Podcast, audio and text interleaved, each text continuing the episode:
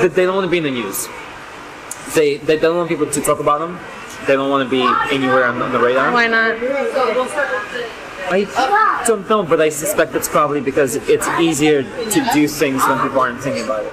All of these financial institutions, they buy politicians. You can take this big ton of money, and then you can start to buy people. I work for uh, a company called BlackRock. Meet Serge Varley, a recruiter at BlackRock. Let me tell you, it's not through who's the president. It's who's controlling the, the wallet. So it's, it's the, And who's that? the hedge funds, BlackRock, the banks. These guys run campaign financing. Yep, you can buy your candidates. Obviously, we have the system in place. First, there's the senators, and these guys are. You got 10 grand, you can buy a senator. I can give you 500k right now, no questions asked. Yeah. I- I'm gonna do this. We're done. Does like everybody do that? Does BlackRock do that? It doesn't matter who wins. You're still good. They're, they're in my pocket at this point. Here's Serge Varley on how good war is for BlackRock's business. Do you have any um, thoughts on the Ukraine-Russia war? Yeah, I mean, I, I do have thoughts. What, what are they? U- Ukraine is good for business. You, you know right? I'll, give an example. Russia, Russia blows up Ukraine's grain silos. Price of wheat's gonna go mad up. Ukrainian economy is tied very largely to the wheat market, global wheat market. Prices of bread, of you know, it, literally everything is it goes up and down. This is fantastic if you're trading. Volatility creates opportunity to make profit. War is real good for, for business.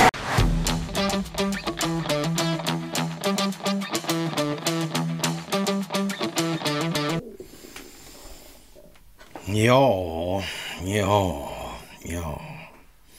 Kära, kära. Kära vänner. Mm.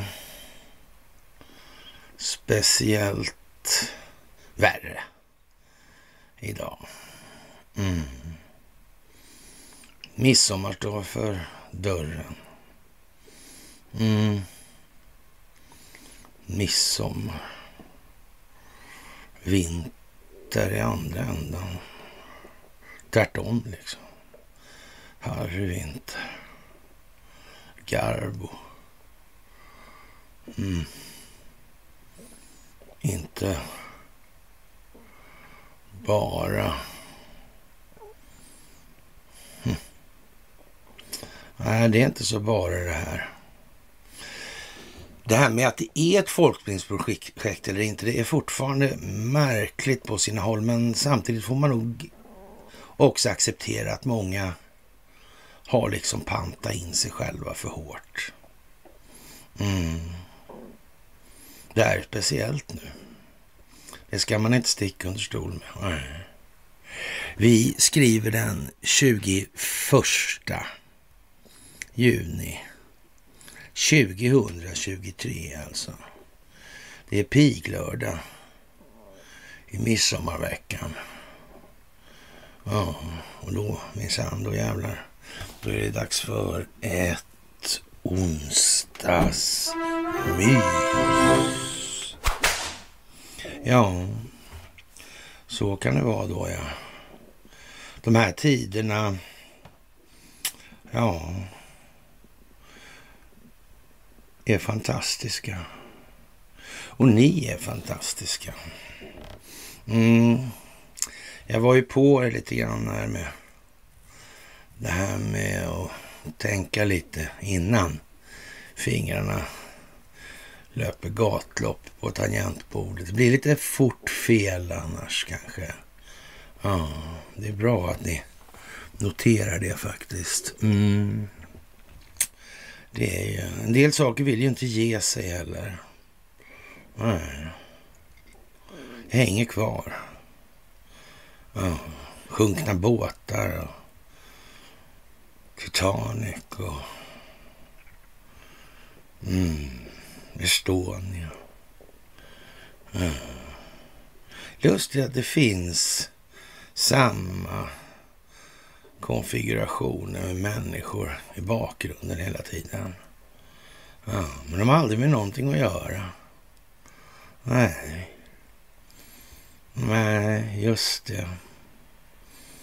Allt ifrån, ja gud vet vad, längre. Mm. Ni ska i alla fall ha det allra mest fantastiska och största tacket för allt ni gör i det här och att ni är de ni är nu. Mm. Det står ju en del på farstubron där, eller farstukvisten. Mm. Och knackar på. Det är snart jul, den fjärde till exempel. Mm. Sen har vi det där med augusti.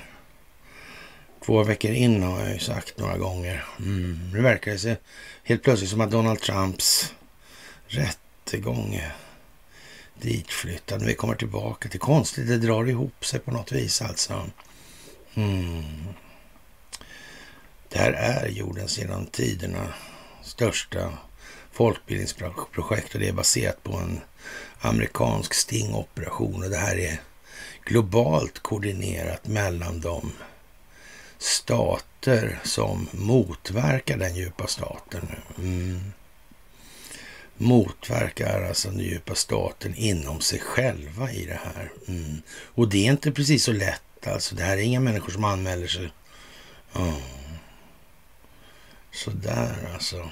Men som sagt, största tack för gåvor på Swish och Patreon. Och för att ni fördjupar er på karlnorberg.se. Det är där det här kommer ligga nu framgent alltså.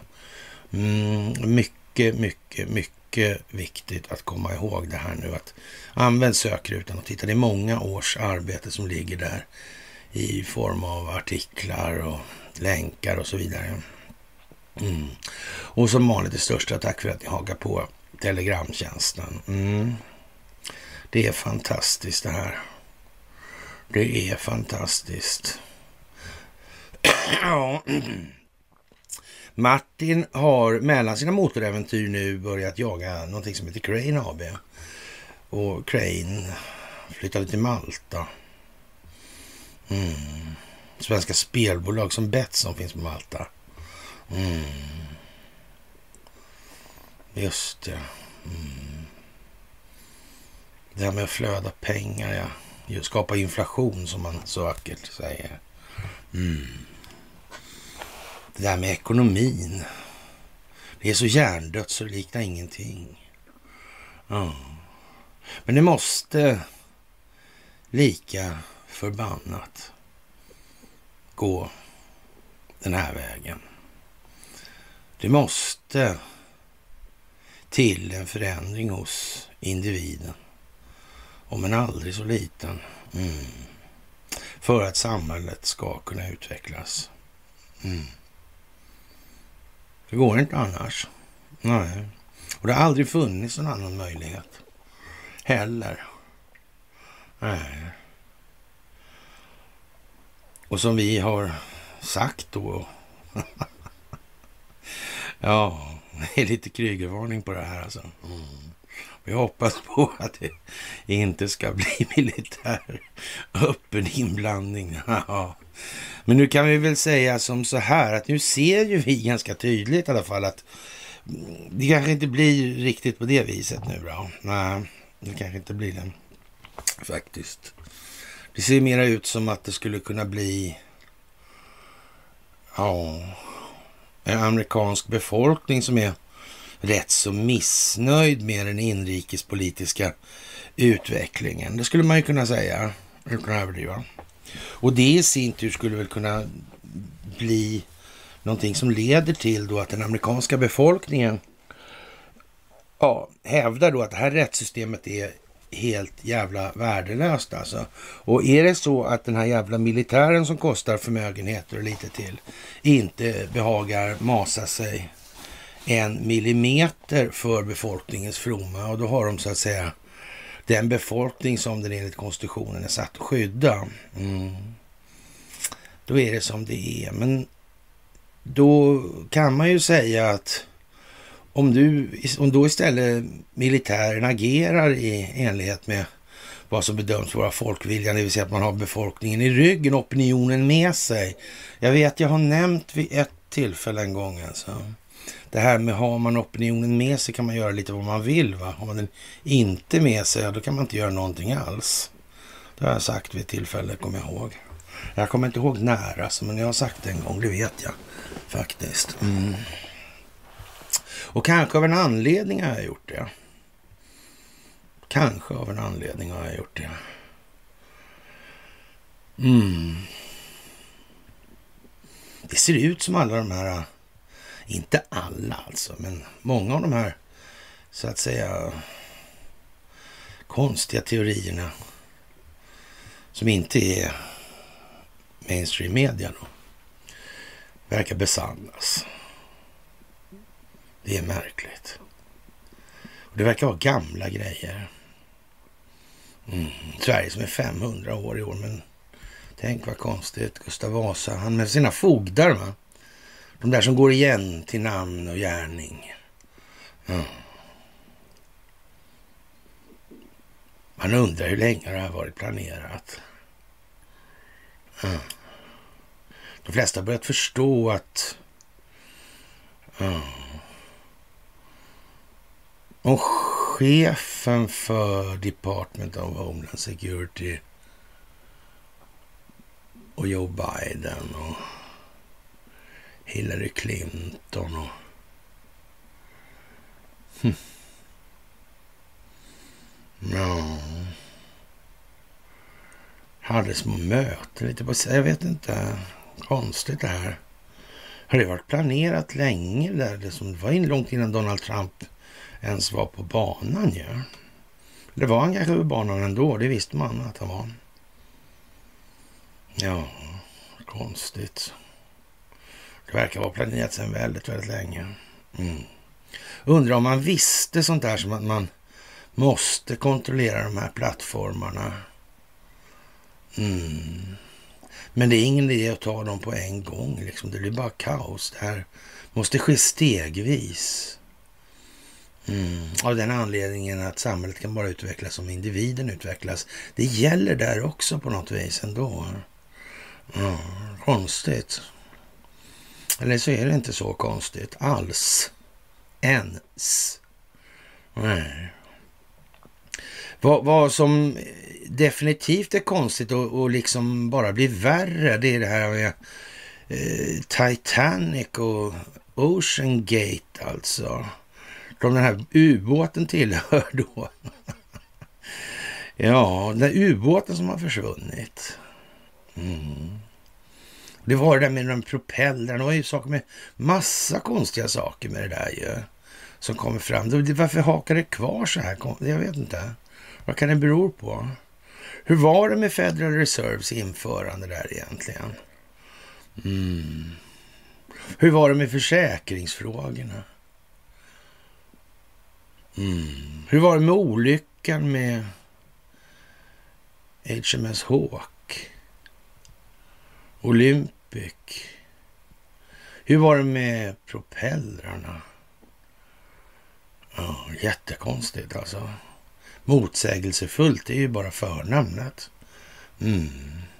Undligt rent ut sagt. Ja. Undrar om det finns mer uppgifter som kommer fram nu. Jag vet inte.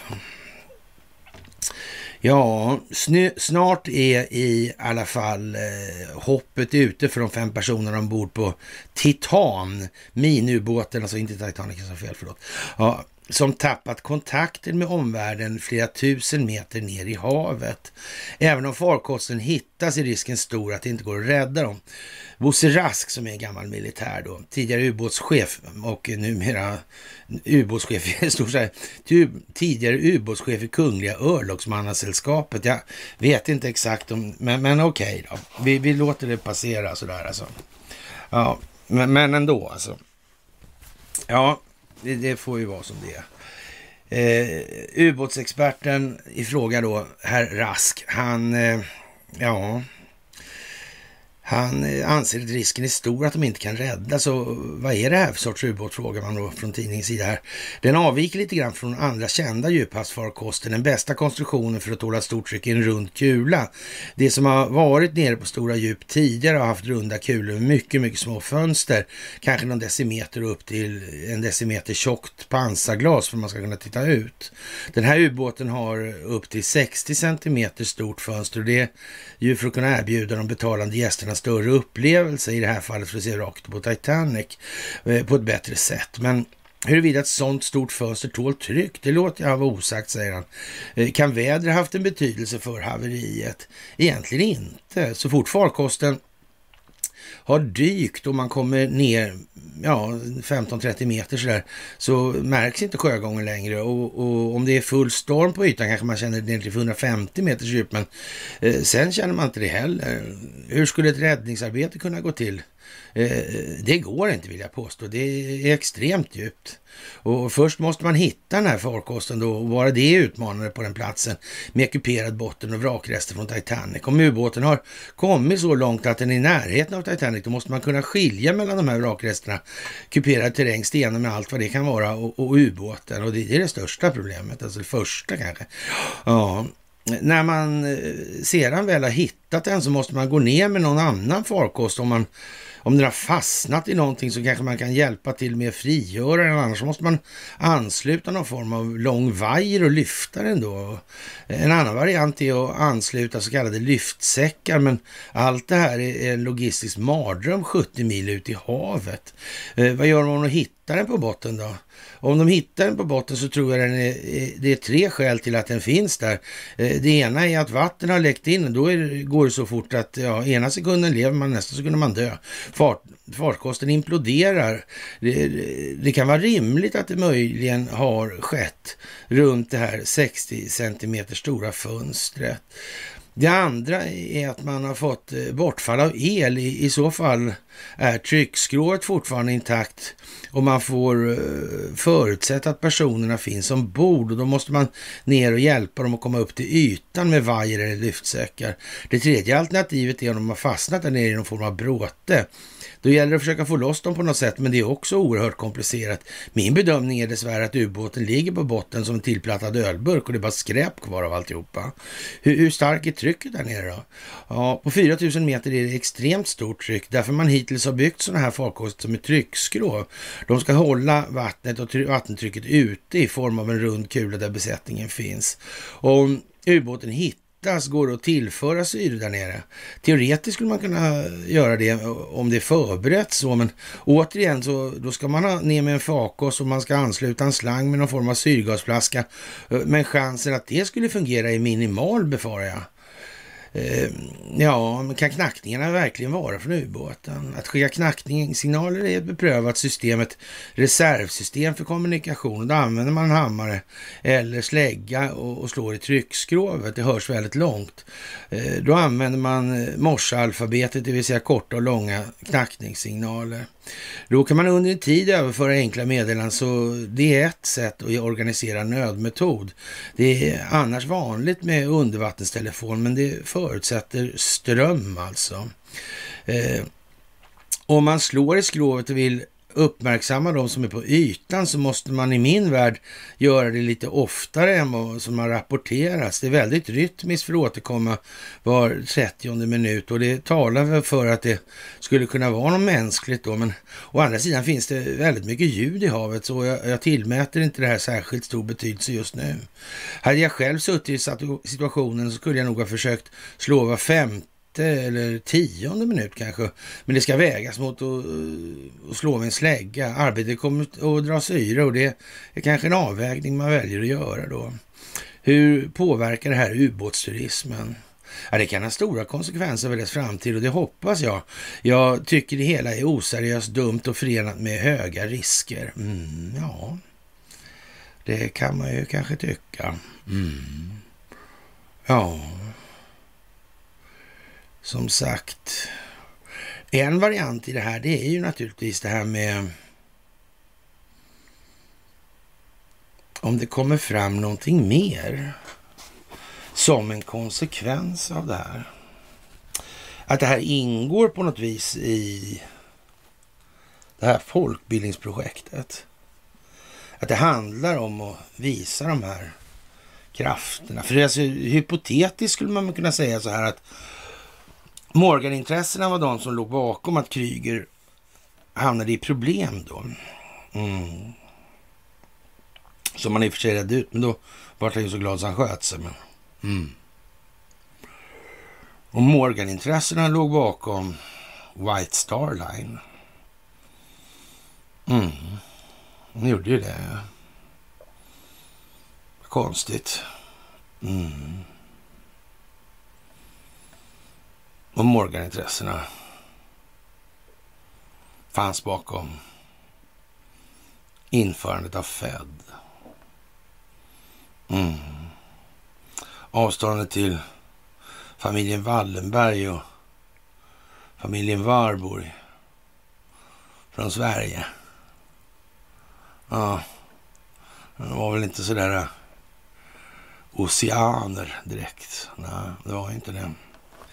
Ja, det kan ju tänkas dyka upp okända uppgifter på bästa sändningstid nu alltså, för hela världen följer det här. Och, och eh, ja, man undrar ju lite hur det här kommer sig alltså. Verkligen, det är ingenting som är planerat. Det kommer ändå så här. Ja. Mm. Man kan nästan utgå ifrån att det här kan väl inte hoppa in så där och så heta så här lustigt och så vidare. Eller är det för att narras med de som anser att djupa staten existerar? För i själva verket så existerar inte den djupa staten kanske. Jag vet inte. Jag vet ingenting snart om någonting. Ja, men vad jag vet i alla fall det är att det är bara Sverige som Svenska Krus bara här. Alltså, ja, ryggradslöst värre, vertebrat. Mm.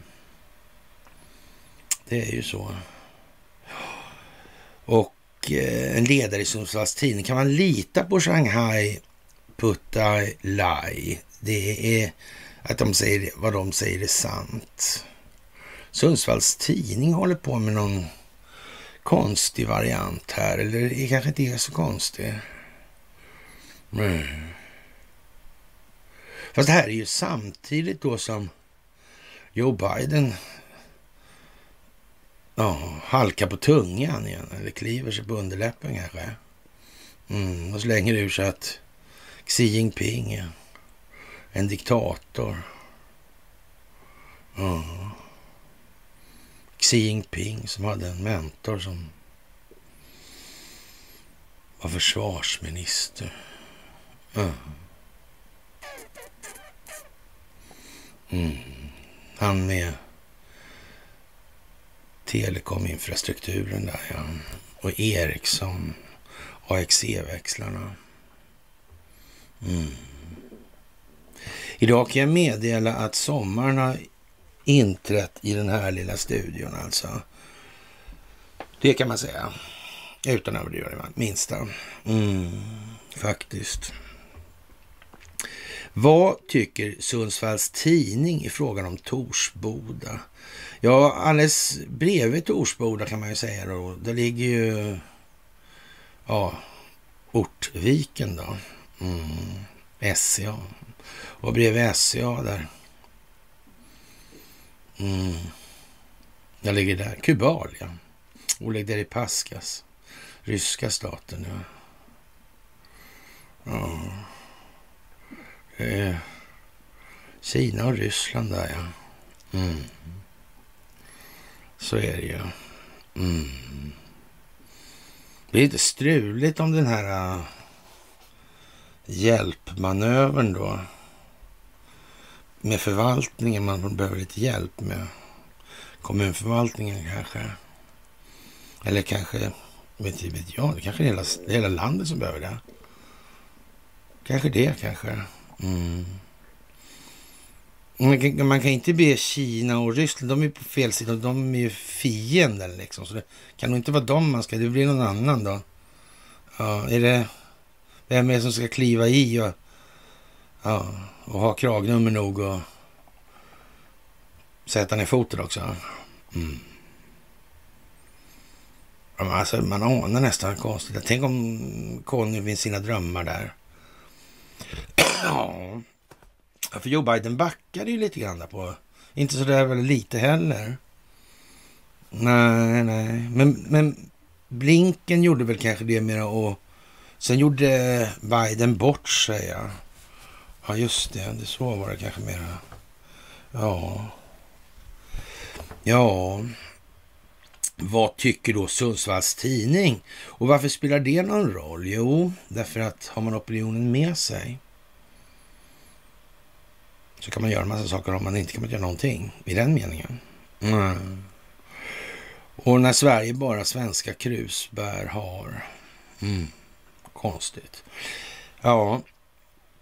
Vad tycker Sundsvalls Tidning om Torsbo? Där det frågar signaturen Anders V på debattplats i Sundsvalls Tidning. Eh, den 15 juni. Eftersom frågan ställs så råder det, det här svarar Sundsvalls Tidning då, som svarar nu, eh, så råder det uppenbart klar, oklarheter om det här. Eh, så låt mig klargöra ledarsidans position. Jag har långt före beskedet om eh, att det är Shanghai Putalai Putailai, vars svenska bolag kallas PTL, som vill etablera sig i Torsboda, kom varnat för att ge sig in i den här typen av samarbete med kinesiska företag.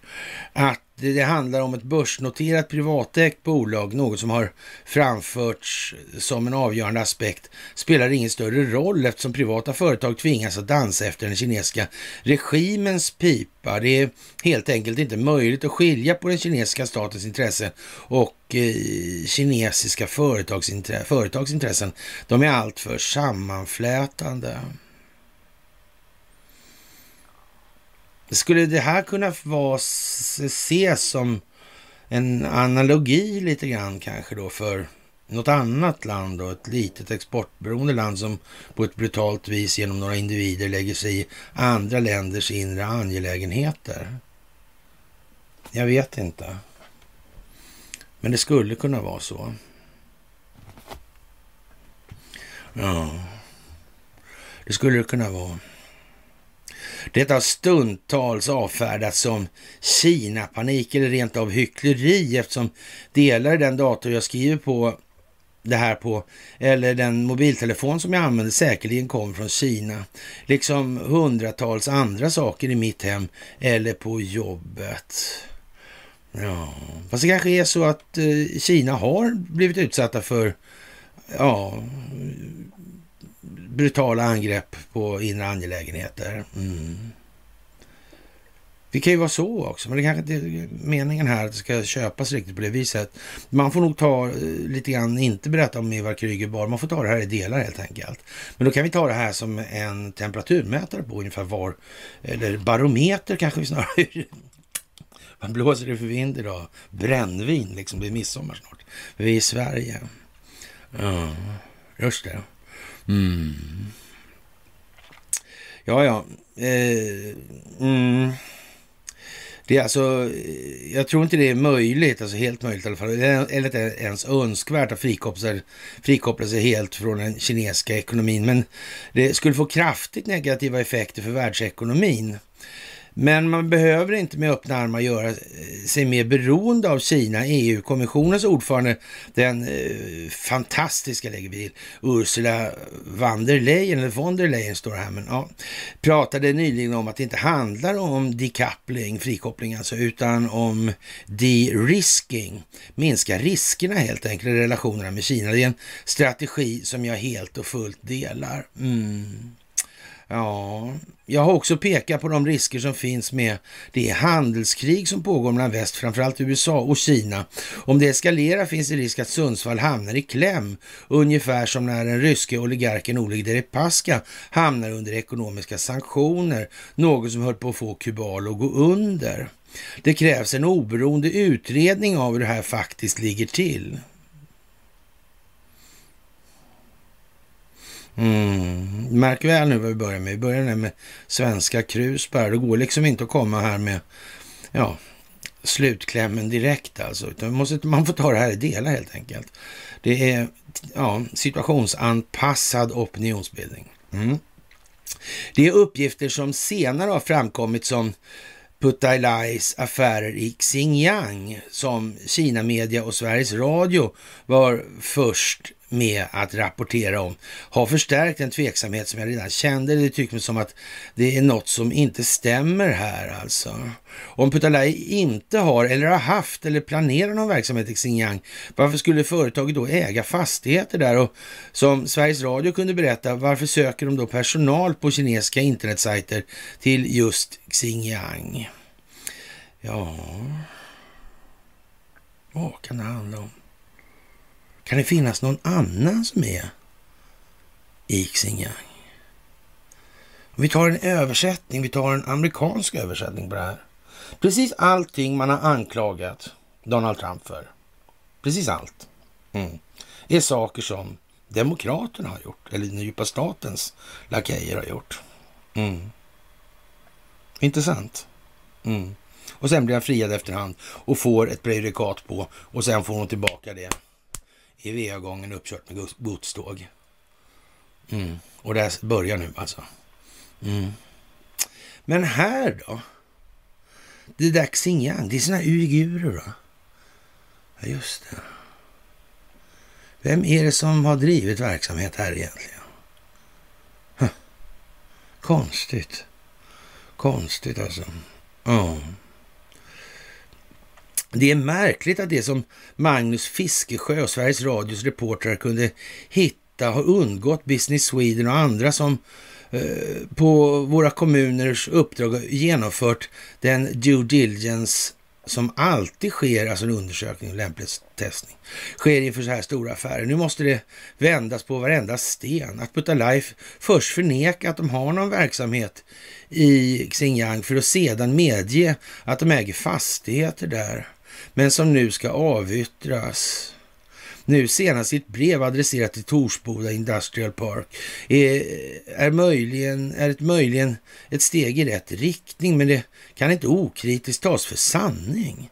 Det krävs en oberoende utredning av hur det faktiskt ligger till. Vad tror man hittar den där, den där utredningen då, tro? Jag kanske hittar någon annan då som finns där.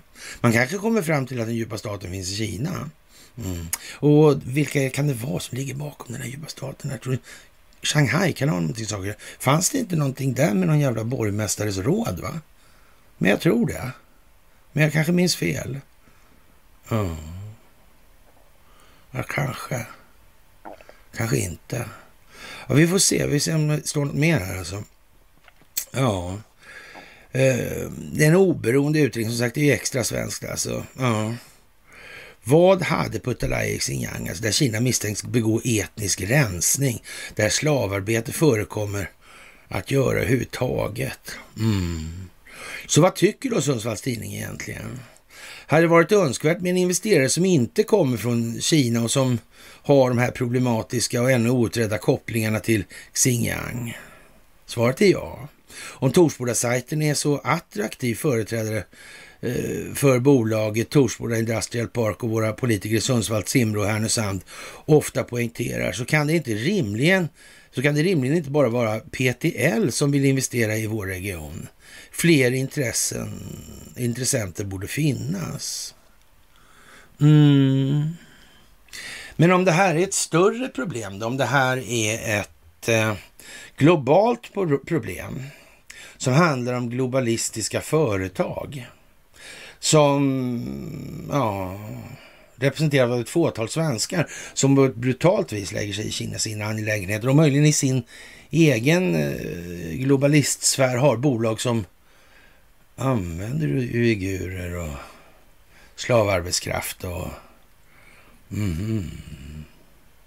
Ja, det där är väldigt konstigt. Det måste nog till en oberoende utredning.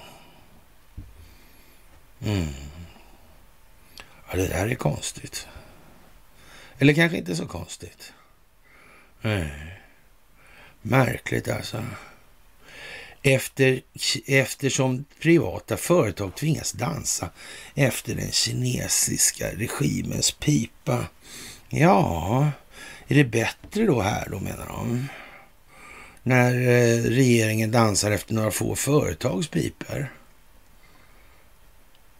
Är det bättre? Mm. Nej, jag vet inte. Alltså, jag bara tänkte att det var herr Nilsson i Pippis apa där. Mm.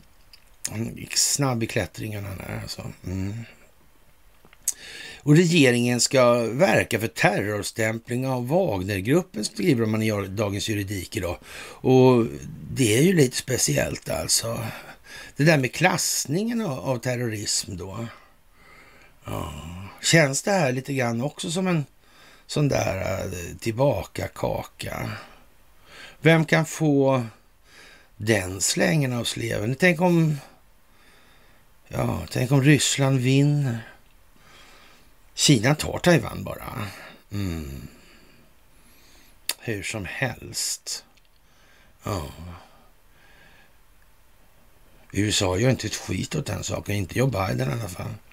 Nej. Mm.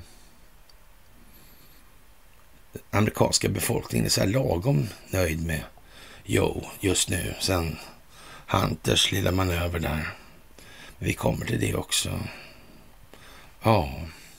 Regeringen ska aktivt verka för att skapa en enighet inom EU för att lista den statsunderstödda ryska så kallade eh, Wagnergruppen gruppen som en terroristgrupp under EUs terroristsanktioner.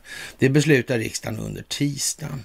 Under förra veckan kom beskedet att, i, att utrikesutskottet ville, ha, rik, ville att riksdagen skulle se, rikta en uppmaning till regeringen att aktivt verka för att skapa enighet inom EU för att terroriststämpla den så kallade Wagnergruppen. Utrikesutskottet, ja. Mm. Ja.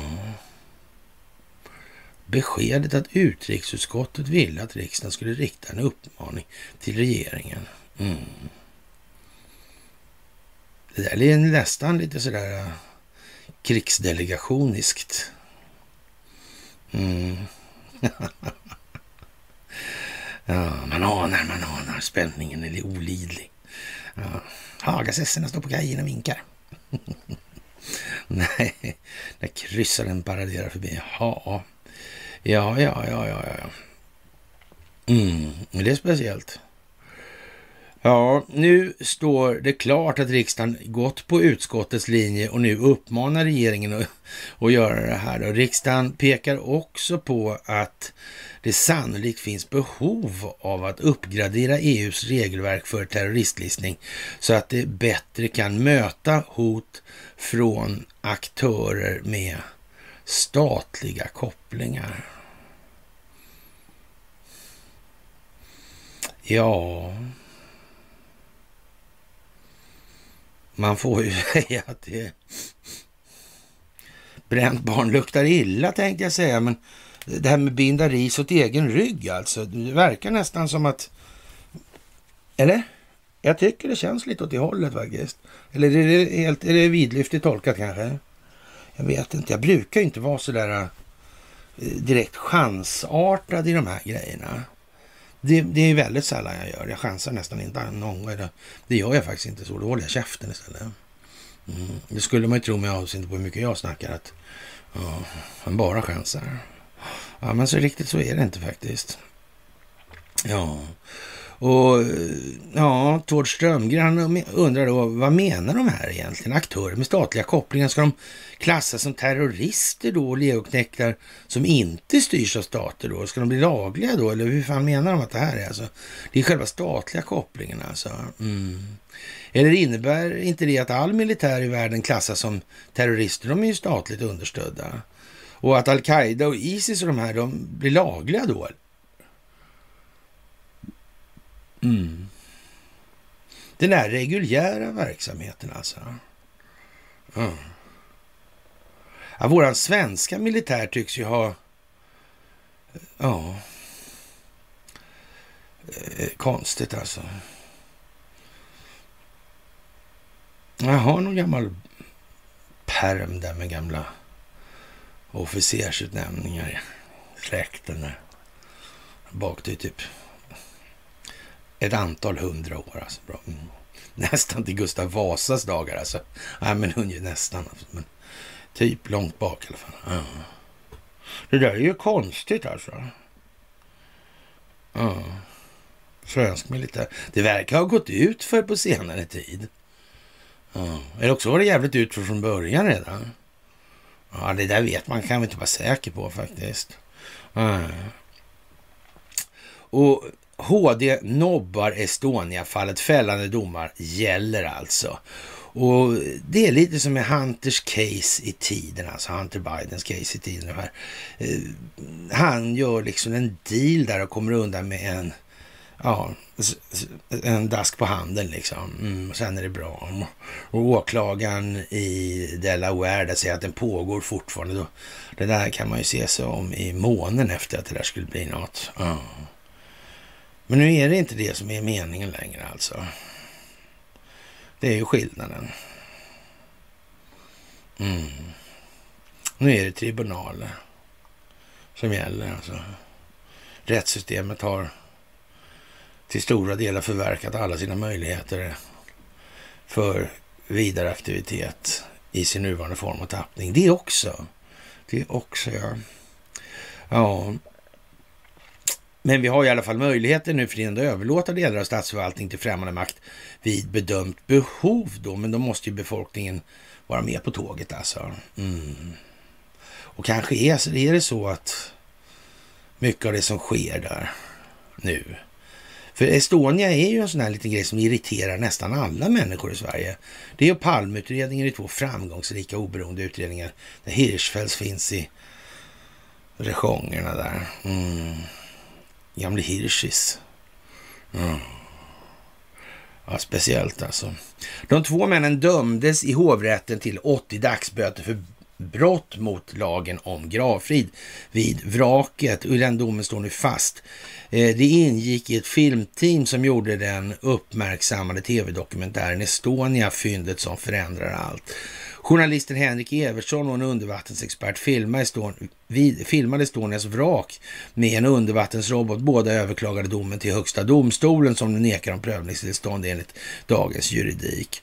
Enligt deras överklagan borde filmningen ha betraktats som ett journalistiskt arbete och de menar att svensk lag inte skulle gälla eftersom det befann sig på en båt under tysk flagg och på internationellt vatten.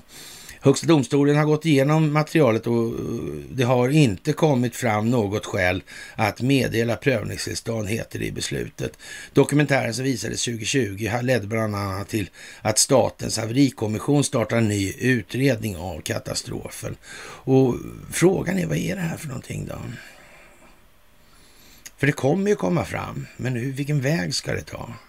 Mm. Annars skulle det inte hålla på så här och malas opinionsbildningsmässigt. Äh. Och, och förtroendet för det svenska rättssystemet är väl ungefär som förtroendet för, eller det allmänna förtroendet i USA för det amerikanska rättssystemet. Ungefär så kan vi väl uttrycka i alla fall. Mm. Och, och för varje dag som går så kommer det fram något nytt dumt som gör att förtroendet blir ännu sämre. Och det här var nog ingen bra grej. Nej, verkligen alltså. Att frivilligt eller ofrivilligt lämna över domstolsväsendet till främmande makt ser jag med ytterst blygsam entusiasm på, skriver då herr Nilsson som klättrar ner i den tråden snabbt som rackarns alltså. Oh.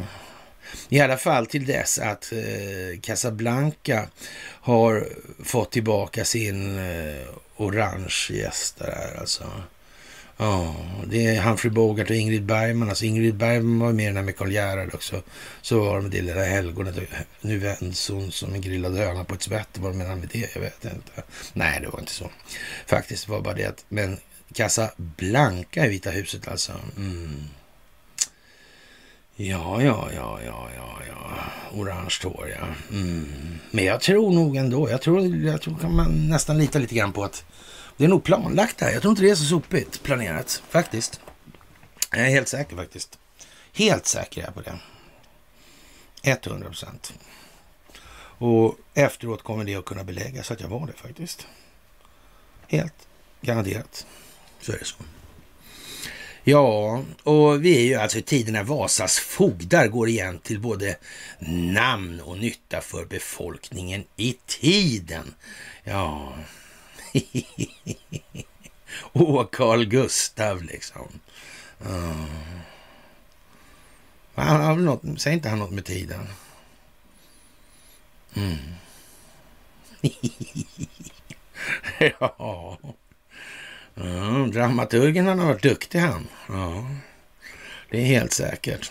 Och Vasafogden Göran Persson gick det väl sådär för. Den nuvarande Göran Persson går det inte så mycket bättre för. Och han kom ju till alltså, trots mormors eh, elaka protester. Hon var lika elak som farmor. De trivdes så bra ihop de där två. Ja, på det så vis alltså. Det gjorde de verkligen. Mm.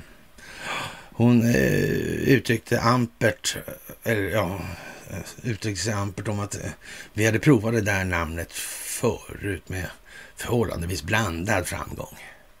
Ja, så. Ja. Ja, Finlands sak är ju vår naturligtvis. Och Finland har nu eh, tagit så att säga bladet från mun i alla fall, men lite grann i alla fall. Den nya finska regeringen ställde ett ultimatum till afrikanska länder. Om ni hjälper Ryssland kommer ni att förlora ekonomiskt bistånd. För de proryska staterna i Afrika planerar man också att försvåra att få uppehållstillstånd i landet och finskt medborgarskap. Ja, Finlands sak är ju vår sedan åtminstone Bo Jonsson Grips dagar. Mm. Så är det ju. Och nu ska det här spelas upp. Ja. För vad det är i verkligheten. Och det är lite speciellt. Vem vinner på det här då? Mm. Är det finska befolkningen eller afrikanska länderna? Ja. Vem är det som får bistånd? Mm. Köpta människor som spelar opposition, skapar kaos i länder för att driva västerländska företagsintressens agenda.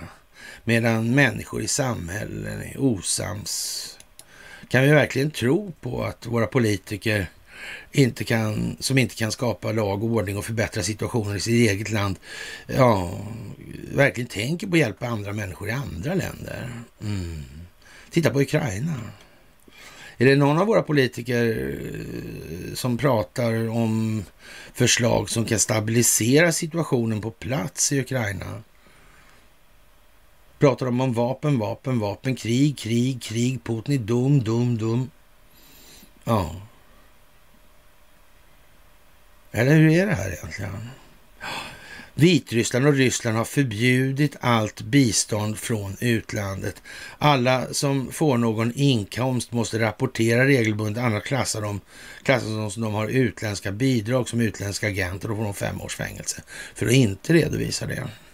Varför tar man till sådana drastiska metoder?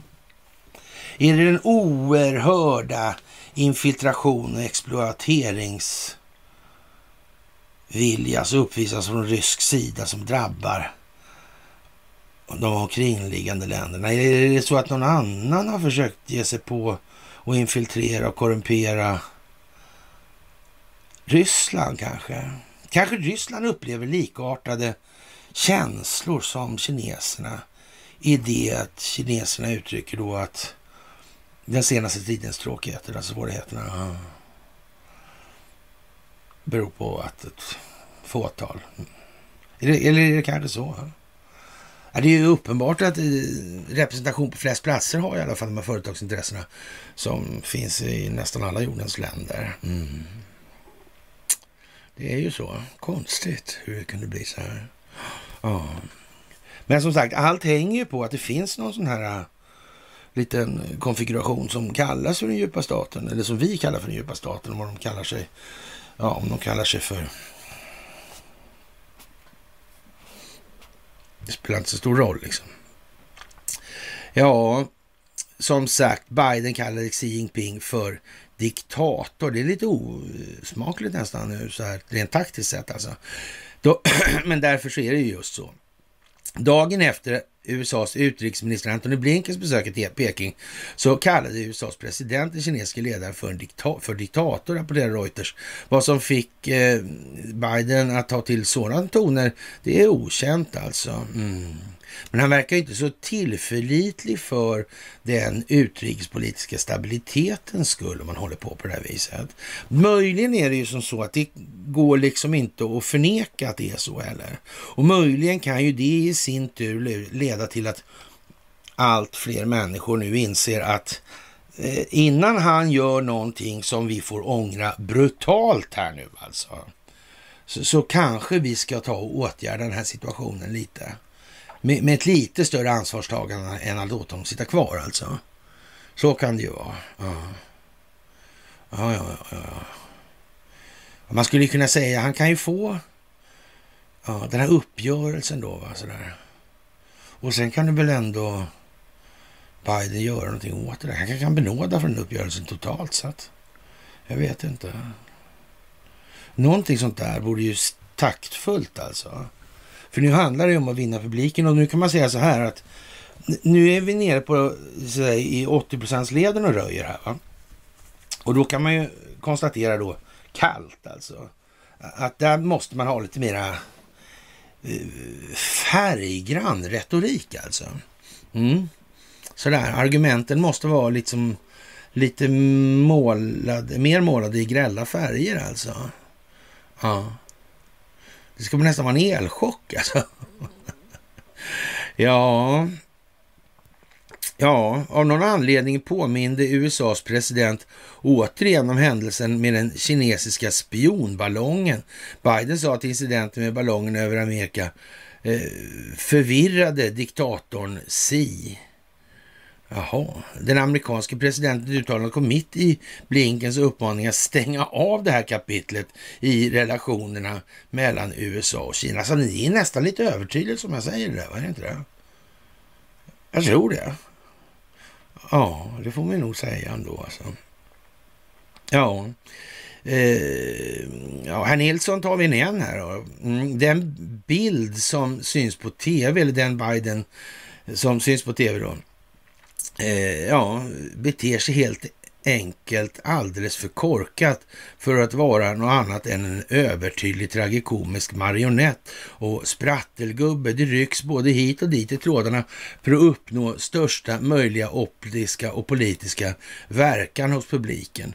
Ungefär som här i Sverige då det även rycks i trådar som styr våra politikers göranden och uttalanden, vilket ska ge en skenbild av att de blir mer och mer korkade för varje dag som går. Tanken med det hela är väl att publiken ska resa sig och göra uppror eller att den uttröttade och besvikna publiken tacksamt ska ta emot en ny presenterad ledare oavsett vem denne är eller står för. Nja, det skulle inte jag säga. Alltså, jag skulle nog säga så här att eh, man får se hur manegen är krattad nu alltså. Och om man tar då som Sundsvall, så här, kommer det då ett antal kinesiska miljarder, så där, de kommer det fungera som betalningsmedel också. Va? Mm. Och, och, det är inte så att det är kryllar av produktivitet i Sverige. Mm. Konstigt det där. Mm. Sundsvallsborna kommer rösta med plånboken i det fallet. Ja, i den meningen. Kineserna gör det här av andra skäl. Ja. Men det ena utesluter inte andra. Sundsvall kan säga vad, Sundsvallsbor kan säga vad som helst om de bara får betalt. Eller göra vad som helst om de bara får betalt. Det är världens äldsta yrke är vad det är. Någonstans kommer det ifrån. Jag tror att jag börjar ana var alltså. Ja. Jag börjar ana var alltså. Mm. Hm. Konstigt alltså. Och om man nu tänker sig i termer av att det här med statsförvaltningens utlokalisering. Mm. För rent optiskt sett så kan det inte bara kine finnas kineser och ryssar på plats i Sund. Det ser inte så bra ut alltså. Och dessutom, för säkerhets skull, för NATOs del då, så ligger ju E14 där. Alltså den ostvästliga för, landförbindelsen, förbindelsevägen alltså, till Trondheim. utskeppningshamn av rang alltså. Mm. Har liksom aktualiserats. Men för att inte det ska bli ännu sämre så går ju bredvid vägen går ju faktiskt Atlantfibern också, Atlantfibern in också. Ja, det är också ganska bra. De är två stycken. Men för att det ska göras ännu lite bättre går järnvägen där också. Ja. Just det, ja. Det gör den ja. Och Sveriges mest utbyggda älv går ju där sen också, närmare Sundsvall till då, alltså Ljungan. Den har man ju fått till det liksom. Ja. Det är ju ett strategiskt geni som har gjort det där. Mm. och det är en av de tre grejerna som Sverige ska förklara i händelse, eller försvara i händelse av ofred alltså. Ja, och man kan säga så här. Det sitter hyfsat med kameror tror jag numera. Undrar varför då? Blinkar det gör de inte så mycket, men de, ja, hur är det där egentligen? Jag vet inte. Ja, det vet man ju inte. Nej. Konstigt är det i alla fall. Ja, det verkar det vara. Det verkar det vara, ja. ja. Men där i alla fall, där tycker USA att men det där kan väl kineserna och ryssarna sköta själva? Det behöver väl inte vi lägga oss i, eller? Så jag säger att någonting måste de etablera i Sundsvall i alla fall för att ha någonting att skylla på. För att ställa dit, ja, som sagt. Ja, men det borde väl vara så. Borde det vara så i alla fall tycker jag. Mm.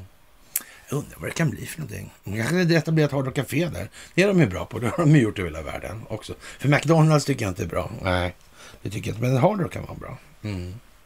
Ja, faktiskt alltså. Det vore passande där. med sin... de gillar ju raggarbilar och såna grejer också. Perfekt. Ja, jag tror det skulle kunna vara en folklig... Jag faktiskt tror jag skulle kunna funka rätt bra faktiskt. Mm. Och sen är det ju hårdrock också då. då. Ja. Vad annars liksom? Ja, intressant att se. Och hur är det här nu då? Om Joe Bidens de här avklassificerade handlingarna i garaget som det var eh, avklassificeringsstämpel på inte är avklassificerade. Utan man har bara stämplat ut dem för att det inte ska kunna gnällas på. Han, han ska kunna ljuga och säga att den... Ja. Men han har de här ändå. Och de finns ju i några, några upplagor i alla fall då. Så att säga. Mm. Just det, ja. Och det kan ju vara för att hålla i minnet vad man inte får säga. Och inte, alltså, det är hållagsbusiness. Det är ju det. Mm. Sådär alltså. Och det ska kunna viftas med mot andra. Mm. För att undvika onödig friktion. Mm.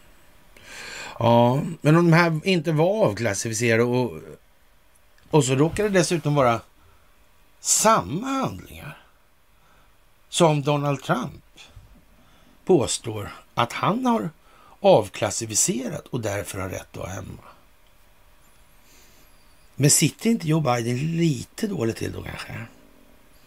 Sitter Obama bra till då? Sitter Hillary Clinton bra till då? Ja. Just ja. För det här var ju ändå planerat sedan långt tidigare. Med den här mm, uh, DHS-damen där. Mm. Och Obama och Clinton och Biden. Mm. Vad konstigt.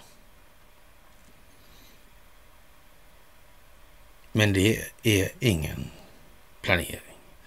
Det är ingen koordination.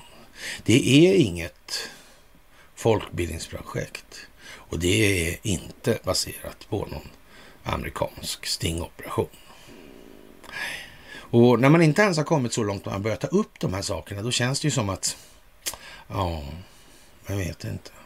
Man kan säga eh, så här att Michael Flynn var ändå nationell säkerhetsrådgivare under Donald Trump. Man får säga att han i militära sammanhang är rätt så vederhäftig skulle man kunna säga.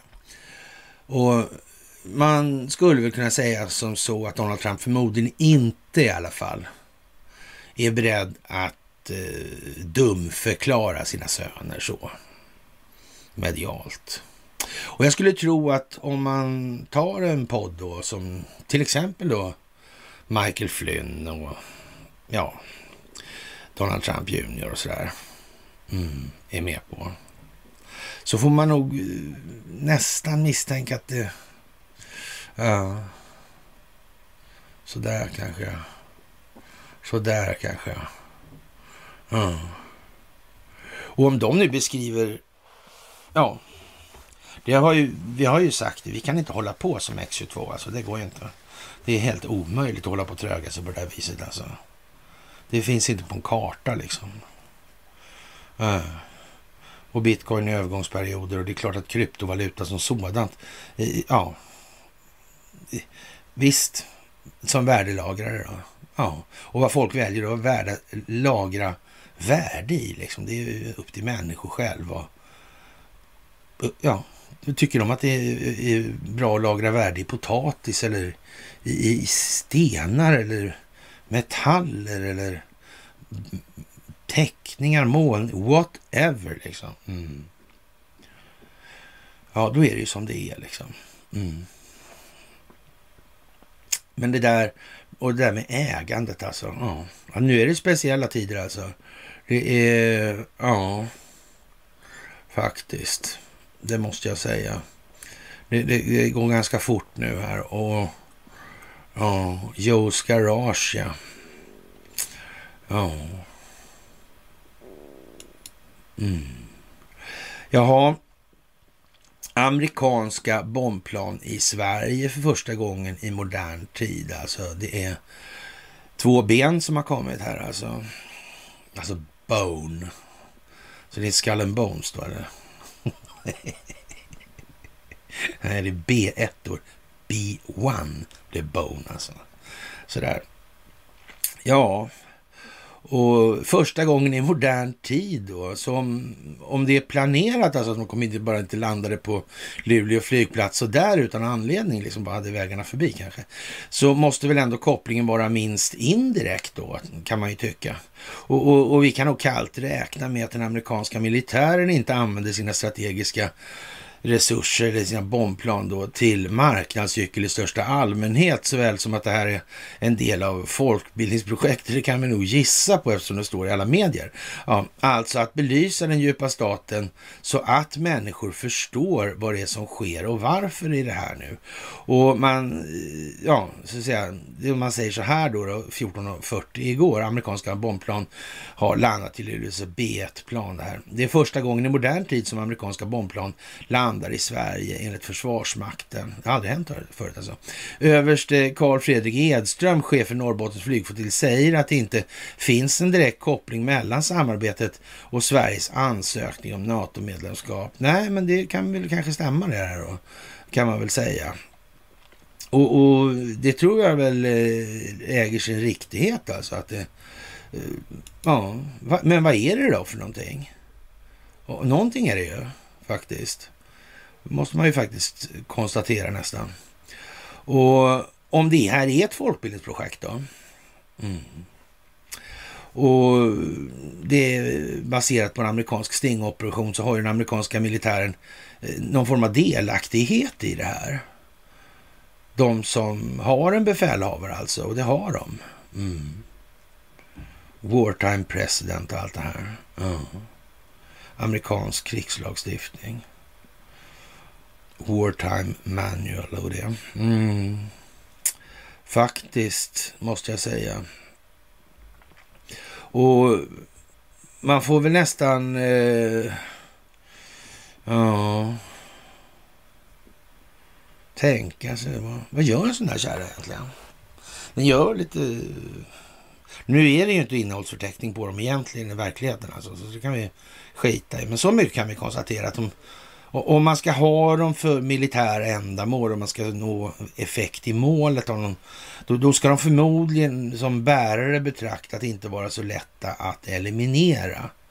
Så kan vi säga i alla fall. De ska inte vara så lätta att skjuta ner för då blir ju så att säga effekten i målet eh, aningen mer begränsad. om de inte kommer fram så de når målområdet alltså. Mm, det kan man ju tänka sig. Ja. Och, och sen har det ju då en, en, en fråga om räckvidder där. Det, och det har ju med logistiksäkerheten att göra naturligtvis. Att, du kan inte hålla och springa och landa överallt. Alltså lufttankar kan man väl göra det sådär. Men ja, räckvidderna alltså. Ju mindre grejer eller färre grejer mm, som kan ställa till friktion. Desto bättre är det ju naturligtvis. Ja. Och räckvidden nog, nog tar sig en sån här halvvägs runt jorden alltså. Mm. Men frågan är liksom, är det och, och högt upp flyger. Du får inte ner den med vilket... Inte några lakansklädda ökengubbar alltså, som får ner den där alltså, från Libyen och sådana här prylarna. Den går för högt. Mm. Flyger för fort. Ja. Det där är lite speciellt. Ska man flytta folk tro? Är det en Gitmo-buss som är här på genrep kanske? Eller rent av repetition inför Garbohelgen? Ja. Jag vet inte. Jag vet inte. Lämna EU, ja. AFD i Tyskland. ja. Mm. Ja, som sagt. Ja, befolkningen ska väl eh, skolas om här helt enkelt. Mm. Det är väl så. Hur det här tar och vilken ordning, det återstår ju att se fortfarande. Va? Det, det kan vi inte göra så mycket. Ja. Amerikanerna är ju redan här till stora delar. Men de kan ju inte liksom låta för den amerikanska hemmapublikens skull det skulle sprida sig direkt alltså. Om man bara släpper mellersta delen av Sverige. Mm. En av de tre saker som kan försvaras, alltså Göteborgs hamn, Arlanda och sträckningen Sundsvall, Trondheim, E14 och det som ligger där med. Ja, ja som sagt hela ja, kriget är en stingoperation. Mm. Det här är... Folk är ju faktiskt rätt så pigga nu skulle jag säga. Jag skulle säga att det är väsentlig skillnad. Och det här är ju en sån grej som att den processen är ju obefintlig under lång tid. Det sättet att tänka. Mm. Man kan också tänka sig med flygplanen där för övrigt. Då, kan det vara arkiv alltså? Det, det var väl inte utan, jag, jag är ju på något vis, eh, jag har en idé om att det, det vi anar är mängden arkiv alltså. Mm. Är inte den mängden arkiv som finns i verkligheten? Det, har ju, det finns ju ingen chans ens alltså. Att det här har kunnat fortsätta på det här viset som det har gjort. Med mindre än att de har vetat hur mycket mer. Alltså det, man, man, kan ju säga så här att eh, det här är ju så att säga en informationsrevolution i sig då det här med eh, över tiden med internet och framväxten av nätet då som plattformarna och så vidare och så vidare. Mm. Men vad är det man egentligen har gömt undan då? Det är ju inte något som man talar om. Nu har vi gömt undan det där. Även om man kan tycka det som i Krygerfallet till exempel. Så tyckte jag det i alla fall. Det var det dummaste jag sett med de här hemligstämplarna. Liksom.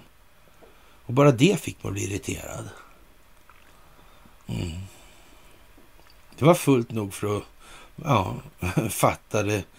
Ja, den handsken plockade jag upp på en gång helt enkelt. Faktiskt. Mm. Ja, som sagt, det är speciella tider det här och vi får vara djupt tacksamma att vi får vara med om det här helt enkelt. Och ju mer den djupa staten försöker dölja vad de har gjort hela tiden nu så blir det ju bara värre. Det blir bara värre. Och det är så man måste se på det här nu. Alltså man har ingen handlingsfrihet kvar hos den djupa staten. De är redan ledda in i den folla från vilken de ska gå till stupstocken i sin funktion och gärning i det här gamla systemet. Det finns ingenting annat. Och befolkningen har vaknat. Och det här får vi väl säga, det här är ju ett upplysningsprojekt eller upplysning till ledning och vidare upplysning till ledning och så vidare. Och ja, X22 skriver då att befolkningen har vaknat och, och, det är något som Donald Trump och hans patrioter eftersträvat under hela tiden upplysningen har pågått. Och att väcka människor och tillåta dem se det tudelade rättsliga systemet i USA då. Mm och tillåta allmänheten att se den här infiltrationen från insidan. Alltså. Justitiedepartementet, amerikanska, alltså, säger att, att man inte ska vara orolig. Vi kommer att, att, trycka på för att Hunter Biden ska få det straff han förtjänar. Och allmänheten fattar, de tänker högt. Ni inom justitiedepartementet trycker på för att Donald Trump ska straffas däremot för något han inte har gjort. Något Hunter, Joe och Jim Biden har gjort. Alltså. Något som Barack Obama, Hillary Clinton och resten av det här gänget har gjort. Och på det här sättet försöker justitiedepartementet blåljuga för den stora allmänheten när man egentligen inte har någonting att anklaga Donald Trump för. Alltså. Men det allmänheten ser är det tudelade rättssystemet. Alltså människorna ser infiltrationer och det, dessutom att justitiedepartementet blandar sig i en av presidentvalet kandidaters valarbete då. Och, och det är inte heller tillåtet att göra. Och sedan tidigare har den djupa statens lakejer, FBI och nu justitiedepartementet blandat sig i och med vilja stört Donald Trumps valarbete inför presidentvalet 2024. Men Donald Trump vill att de ska göra vad de gör, och för nu kan han sätta prejudikat alltså på det här, som kommer att vara till gang längre fram då när man ska ta sig an den djupa statens kreatur, den militärrättsliga vägen alltså. Hela korthuset som den djupa statens alla förgreningar och sympatisörer byggt upp faller nu pladask alltså.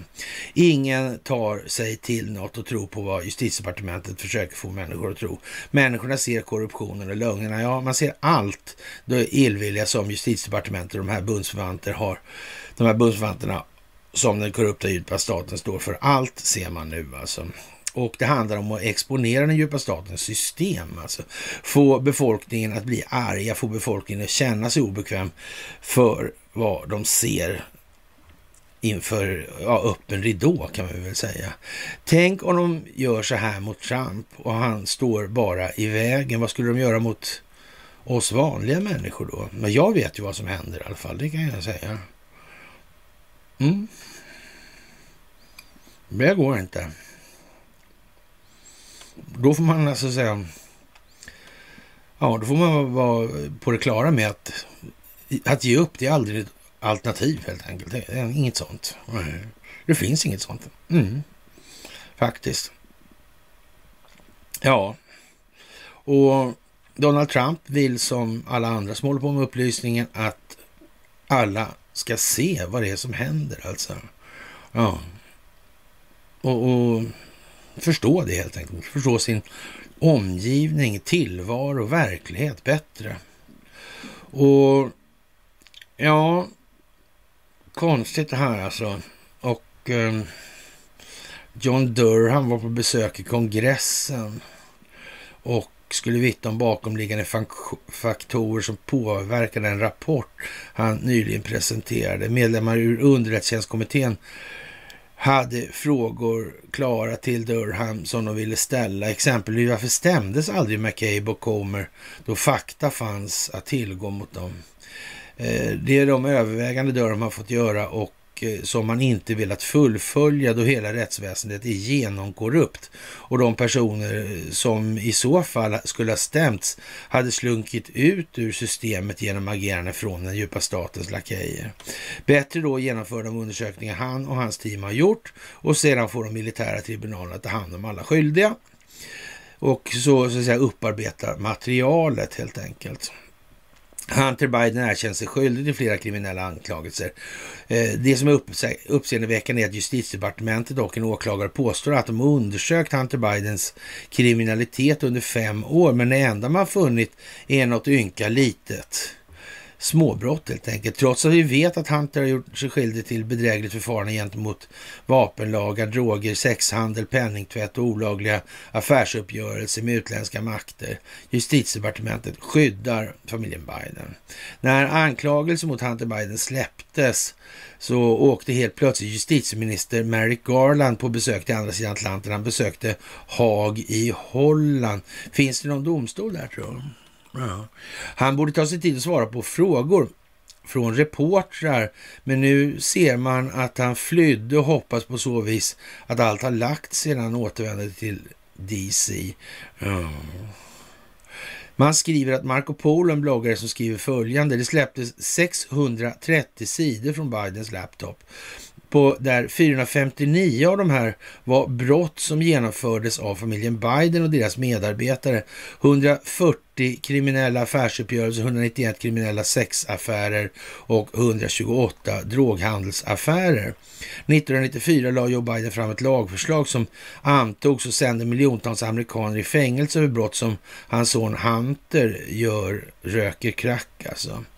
Eh, varför är inte Bidens åtalade från 459 brott som finns dokumenterade i Hunter Bidens laptop? Ja, det kan man ju fråga sig, men det är konstigt egentligen alltså.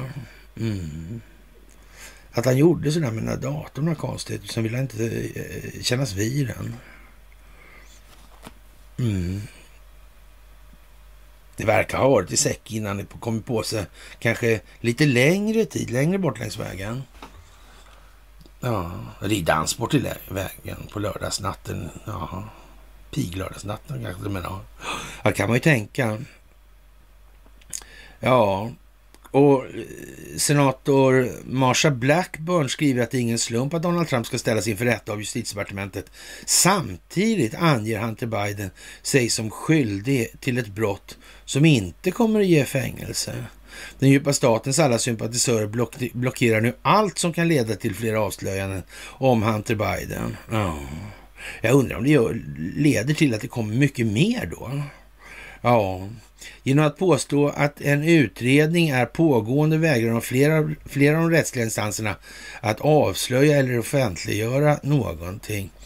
Och eh, ja, folk kommer att bli tokigare än blivit det alltså av det, över det straff som Hunter Biden fick av justitiedepartementet och det kan liknas vid straffet för en trafikförseelse alltså. Mm. Ja, jag vet inte. Och jag tänkte jag skulle, det är ju liksom klart att det är väl inte sådär eh, superschysst kanske, men jag tror jag kände plötsligt ett infall här alltså. Det gjorde jag. Mm, sådär lite. Faktiskt. Ja. Jag fick för mig att jag skulle vara lite elak. Nej, men man ska inte vara det sådär alltså, i och för sig. Men ja, de här trollen alltså. ja. Deep State eh, understreck Sweden alltså. Ja, det där är en snygg alltså. Han är skön. Ja, det måste jag säga. Han, han har en mejllista. Den gäller mig, Cornelia och eh, Martin faktiskt. Sådär. Och så skriver han så här idag, trollet. Eh, han har ingen namn och sådana där grejer. Alltså, men ja. Han har eh, ja, deepstate-sweden at protonmail.com alltså. Ja, er frälsare kanske behöver klä sig i brandgult snabbare än vad vi trodde. Domare eh, Eileen Cannon har satt rättegångsstart den 14 augusti. Nu tror vi inte att rättegången kommer att starta då för motionstiden kan förlängas och även andra faktorer kan påverka när den startar. Frälsaren lär inte ha sitt försvar klart heller för vad vi hörde i intervjun på Fox igår Eh, så har han ändrat sitt försvar lite grann. Förändringen har gjort att han eh, gjort kommer givetvis inte att duga. Er frälsare kan inte vara speciellt smart då han i intervjun gav åklagaren nya fina bevis i sina svar på frågorna. Man undrar ju verkligen hur korkad han egentligen är. Eh, det kommer att bli ett underhållande år, så avslutar han, eller det här trollet då. Ofta de här grejerna. Jag undrar ju liksom så här, och jag tänkte faktiskt, därför jag kommer ihåg det också. Jag tycker det där är lite kul alltså. Vem fan är det som på allvar har gjort några så jävla dumma saker så att han är tvungen att sitta och skriva sånt där? Jag menar, vad lider människan av? Det är ju helt otroligt. Det är så och, och sen ska man ju säga så här, eh, analysen som sådan, det är som en tvååring liksom. Det finns inget... Och jättemärkligt alltså. Jätte, jättemärkligt är det. Ja, som sagt, eh, det här med kineser, ja, och det kommer en hel del kineser över södra gränsen till USA. Mycket troligt militärt tränade i kinesiska kommunistiska partiet alltså. Mm. Och, och, det kinesiska kommunistiska partiets armé alltså. Men eh, uh, nu är det så att det kinesiska kommunistiska partiet kanske inte har någon armé. Utan det är någonting som heter PLA som finns där. Det heter eh, People's Liberation Army. Mm. Men om det kommunistiska partiet var en styggelse. Ja, en abomination kanske det är inte. Ja, vad konstigt det där är. Vad konstigt, tycker ni inte det? Det tycker jag. Mm. Ja. Mm, de håller på och... Ja gör i ordning något. Mm. Ja. Tänk om de har koordinerat och planerat ihop. Ja, tänk om det är så. Ja, vad konstigt. Vi hade ingen aning, ska vi säga då. Ja. Mm. Ja, jag vet inte på ja, Kuba där håller det på att bli lite stökigt också. Nu håller man på att bygga ett träningscenter för kineser alltså på Kuba. Ja, det börjar likna den kubanska missilkrisen som uppstod 62, alltså efter ja, den här konstiga... Mm, när världen stod på randen till världskrig där. Ja. Då väljer Joe Biden att kalla Xi Jinping för diktator. När Kina håller på att etablera sig på Kuba. Mm. Och vi har två ben stående på Luleå flygplats. ja, inte vet jag liksom. Ja, och inom Demokratiska partiet i USA är det oordning nu alltså. Ja, konstigt alltså. Mm. Det där är, ja, mycket märkligt alltså. Mycket, mycket märkligt. Mm. Undrar vad som blir kvar av det där. Vad kan det bli kvar av de svenska partiernas? Vad kan det bli kvar av dem? Är partier någonting egentligen som är något bra? Det sitter ju en partistyrelse där en valberedning. Man kan säga att det verkar ha ett sinnrikt konstruerat filter helt enkelt. Ja. Ett filter mellan människor och den exekutiva makten. Då skulle vi kunna, nu har ju inte vi någon sån här maktdelningsprincip. Uh. Konstigt, alltså vi har ju folksuveränitetsprincip här. Och det är mycket bättre. Resten av jorden, förutom Sverige, Norge, Danmark och sådär. De här gamla penningmonarkierna. Mm, de har gjort det på annat sätt, men de är, vi är överlägsna, vi är överlägsna. Sådär alltså. Ja, som sagt. Ja, och det här med kärnvapnen, ja, så vet vi ju då att Donald Trump inte överlämnar kärnvapenkoderna till Biden. Ja. Och nu får vi veta att Bill Clinton förlorar sina koder under flera månader alltså. Ja, det är konstigt alltså. Ja, mycket speciellt alltså. Speciellt, speciellt, speciellt alltså. Mm. Vad kan det bli av allt det här? Det kan bli för jävla bra alltså. Och det finns ingen möjlighet att det blir något annat alltså. Lancer Strategic Bombers in Sweden for the first time in history. Ja, ja det är speciellt den här. Det blir bra. Det blir bra alltså. Mm. Och som sagt.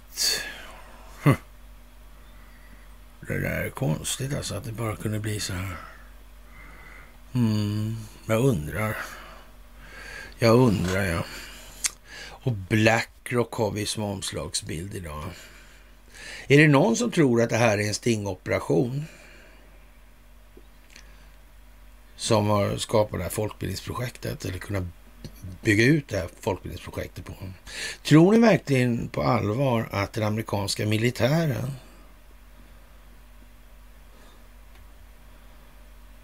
skulle låta en skock eh, Joakim von Anka-karikatyrer? nej, det skulle de inte. Nej, nej. nej. så är det inte helt enkelt. Ja, det där är ju lite tjusigt ändå i dagens läge. Faktiskt. Mm. Ja, jag får väl nästan eh, säga att jag tror inte på riktigt det här med... Ja, alltså... Ja, det är hugget som stucket alltså. Men det är information som ska flyttas i alla fall. Om vad, vad, hur, i vilken form den här informationen befinner sig, det kan vi ju vara. Ja, som sagt. Det är urmodigt med sådana här plattformar i alla fall, det kan vi säga sådär. Det kan vi lugnt konstatera. Och som sagt, befolkningen jublar ju högan sky nu i USA över det här med att han får lite trafikböter, alltså Hunter Biden, för sina förhavanden. Ja. Och man vill sätta Donald Trump på kåken. Ja. Och, och det får man väl säga är speciellt. Och ja, man trummar på ordentligt här helt enkelt. Och eh, ja, den här förlikningen då i samma dag som Donald Trumps rättegång annonseras ut. Alltså. Mm. Men det är ingen planering på det här bakom det här. Inte det minsta. Nej, det är det inte. Och man kan ju undra liksom. Och Conny undrar, eh, och det är, eller påstår i alla fall att det är inte bara den svenska befolkningen som behöver få lite mer rättvisande verklighetsbeskrivning åskådliggjort på ett bildningsnivå som är eh, för dag, får dagisklasser att begripa vad de ser alltså. Och ja, men, men det är klart att det, som sagt, jag säger det färgglatt och lite grällt sådär i färgerna kanske inte med. Mm. Och, och, en sån här Benny Johnson-figur då som figurerar på Twitter och sådär. eh, om det verkar som att man eh, eh, gör det här för att liksom trycka upp det i ansiktet eh, på befolkningen så eh, beror det nog förmodligen på att det är just vad man gör alltså. Mm, så. Det handlar om optiken alltså. Och tänk om Hunter Biden gjorde allt han gjorde bara för att exponera. Hur skulle det se ut? Vad blir det här då? Och kollaps i elhandeln. Nasdaq säljer verksamheten helt plötsligt. Ja, elhandeln, prisbildningsmekanismen. Mm. Nasdaqs europeiska energihandelsverksamhet. Ja, konstigt alltså. Ja, hur ska det bli med allt det här nu? Det är ju märkligt. Och, och, att lägga ner massa tid på i, i den delen sådär. Och, men det är klart att för tid, har man gjort halvdumma grejer sådär, då får man väl ägna sig åt sånt. Antar man är tvungen antar jag. Sådär alltså. Och, och, vad ska vi säga egentligen? Alltså Victoria Tönsing och Joe Di Genova där har väl tydligen, ja. Det, det är liksom, liksom inga smickrande grejer. Mm. Det är det ju inte. Så de får hålla på med nu, nej. Mm. Så det är, ja, vad är det största hotet mot eh, Sverige eller svenska befolkningen? Är det Vladimir Putin eller de som styr Sverige? Jag har sett till vad vi befinner oss i för typ av situation så tror jag faktiskt att svaret är rätt så givet alltså. Mm. Ja, men då kan man ju säga så här då att eh, eh man skulle kunna säga tredje alternativ, största hotet mot människor är okunskap. Det kan man ju kanske tycka, men eh, ja, ja, som sagt, det är vad det är. Det är mycket speciellt och eh, som sagt, till och med en sån, vad ska vi säga, intellektuellt ospänstig konfiguration som alternativt, ja, alternativt för Tyskland då, eller D, Deutschland och AFD. De eh, anser nu att man, man kan liksom eh, tänka sig att, eh, ja, Eh, man lämnar helt enkelt EU och mm. Mm. Men det är lite grann som med AFD, är det ju lite grann som med Sverigedemokraterna, fimpar man den här migrationsdelen då i, i det här så är det ju liksom... Ja. Det känns ju liksom inte som att det är något sån här imponerande bredd på... Ja. I någon stor omfattning kanske. Nej, inte på djupet heller tror jag. Nej. Nej, nej. Och eh, ja, speciellt alltså. Mm. Ja, och eh, Jack på Sobik då. Mm. Då la man den här åtta veckor tidigare då, rättegången. Mm. Jag undrar jag alltså. Det är ett par veckor in där och då händer det grejer här i Sverige också. Det vet jag. Mm. det gör det. Faktiskt. Mm. Det händer grejer här då. Och jag tror att det är så att det har med, ja, med militär. Men jag tror nog också det är så, precis som jag säger. Mm. Jag tror att det blir någon form av internationell grej. Alltså det bästa om det ska bli fred då. Mm. Det är väl att man... Om det är så alltså att det är ett fåtal svenskar som på ett brutalt vis har lagt sig i andra länders inre angelägenheter. Låt säga nu att det inte bara gäller exakt Kina, alltså det lilla så. Ja. Inte bara Kina, utan kanske någon fler. Till exempel Ryssland. Mm. Eller ja, USA. Mm. Kim Jong-Un, ja. Ja, nu har ju inte Sverige haft någonting med Nordkorea att göra sådär. Så att, nej, ABB där inte. Nej, ingen skyddsmakt åt Nej, nej, mm, nej, inte det. Nej, nej. EU testar gränserna, köper vapen för miljardbelopp. Det är ingen risk att eh, ja, de upplever att de tjänar saker på det här. Och de här måste vara vapenlobbyister då som, eller? Ja. Och Leopard 1-stridsvagnar ingår i det vapenpaket som Ukraina fått av EU. Mm. Leopard 1 alltså. En 60-talsvagn. Mm. Ja, men det är ju så speciellt. Får man fan säga. Faktiskt. Ja. Och, och eh, Kina sitter alltså i samtal med Kuba för att etablera en gemensam, eller etablera gemensamma militära faciliteter på Kuba. Och det är det här läget alltså, så sker allt det här övriga. Ja, Jan Emanuel kanske får fler hotellgäster nu. Jaha, Sverige har... Jaha, men så var det ju. Just. Ja, Anna Ardin, har inte hon någonting, hade också med det där att göra på något vis idag. Hon var ju också sosse, som Jan Emanuel. Mm. Men hon vart väl personen non grata där, tror jag till och med. Ja.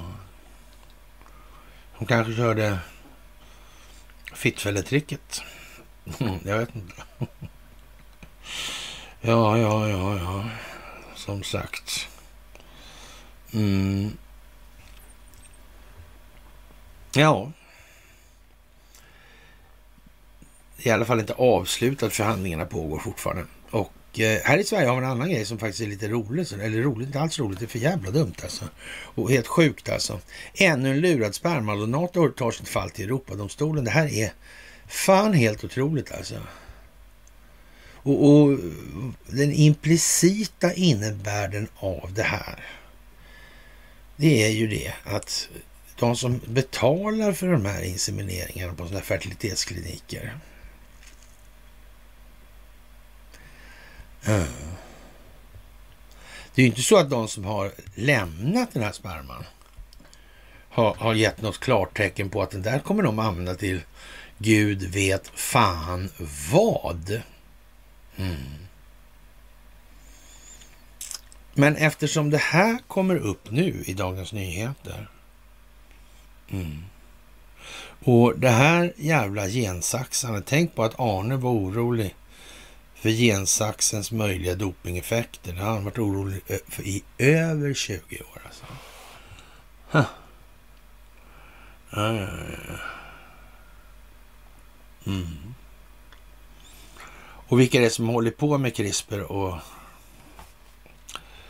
Ja, ja.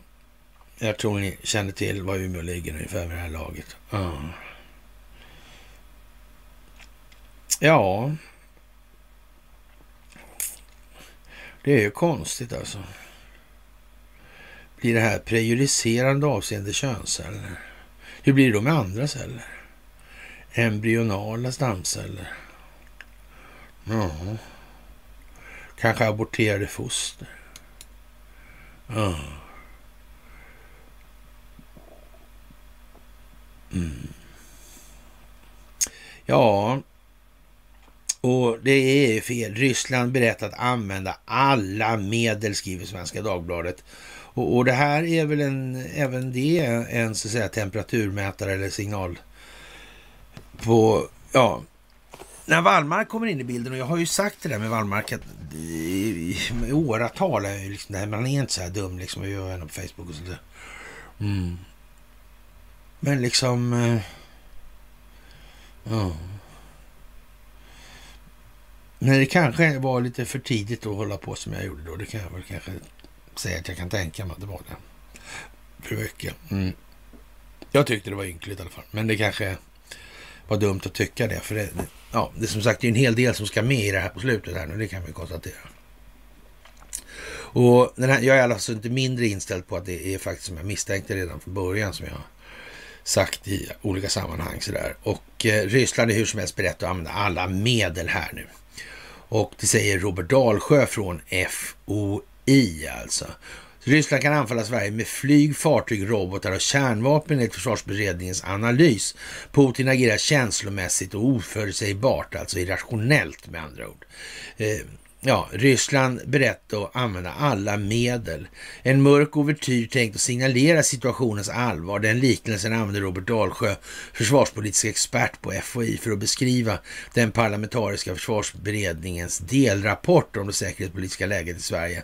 Den har fått namnet Allvarstid. På kort sikt begränsas Rysslands förmåga att angripa andra länder militärt. Något av framför allt marxistkrafter som är uppbundna i Ukraina. Eh, men samtidigt har Ryssland sänkt sin tröskel för att använda militärt våld och landet uppvisar en hög politisk och militär riskbenägenhet. Enligt analysen är Rysslands förmåga att angripa Sverige med flygstridskrafter, sjöstridskrafter, fjärrstridsmedel eller kärnvapen intakt alltså. Och, och dessutom har Ryssland kapacitet att använda specialförband. Till det positiva för Sverige hör, enligt Robert Rolsjö alltså, att det går dåligt för Ryssland i Ukraina. Desto mer negativt är tecknen på att Rysslands president Vladimir Putin agerar känslomässigt oförutsägbart. I ett tidigare skede av kriget använde Ryssland fjärrstridsmedel som robotkryssare och, och drönare eh, militärt sett rationellt mot det ukrainska luftförsvaret och lite senare för att slå ut eh, Ukrainas elnät. Alltså, nu blir jag väldigt svettig här måste jag säga. Alltså, men men jag, jag, kan låta det passera nu då. Men vi, för annars kan man ju... Vi, vi, vi, säger så så länge. Ja. Och jag vågar inte utesluta att om Sverige skulle göra någonting som förargar Putin så skulle han eh, bara eh, för att trycka till oss kunna göra något, säger Robert Dalsjö.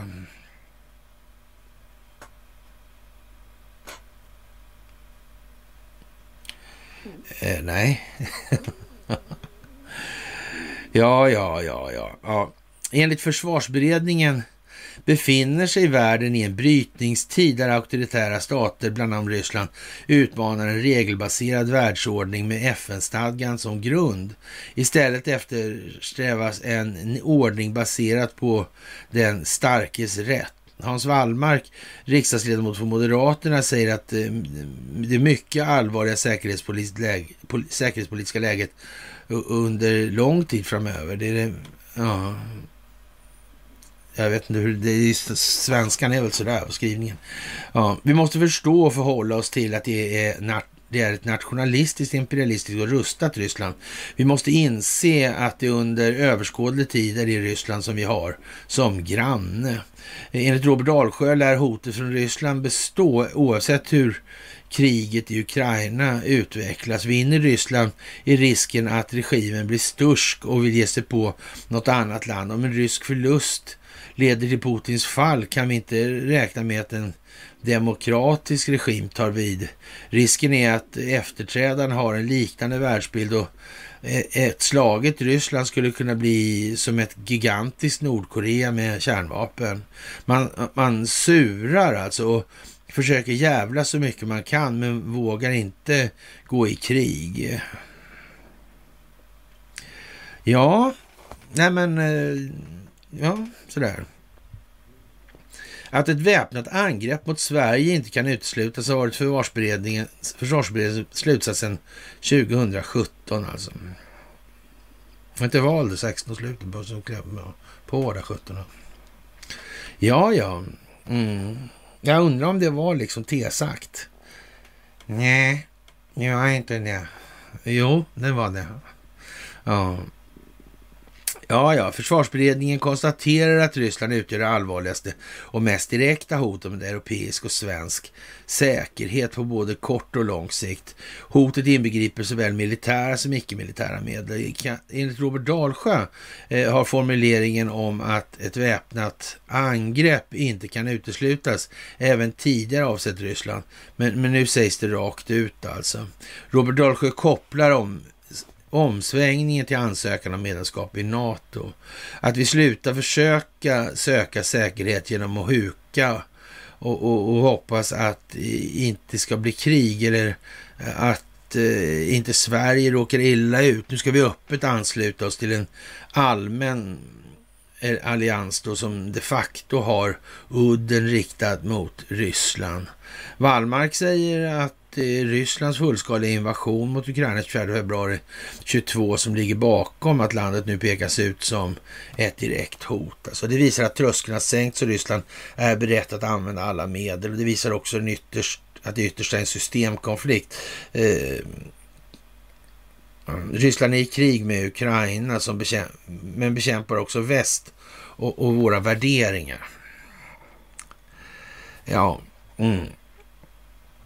Jag vet inte riktigt. Eh, alla riksdagspartier representeras i försvarsberedningen som är enig i sin analys av säkerhetsläget. Däremot så är Vänsterpartiet och Miljöpartiet fortsatt mot ett svenskt NATO-medlemskap. Försvarsberedningens analys är en del inför en slutrapport i april nästa år som ska lägga grund för Sveriges integration i NATO. Försvarsbeslutet 26 till 30 och Försvarsmaktens ja, pengaram. Jaha. Mm.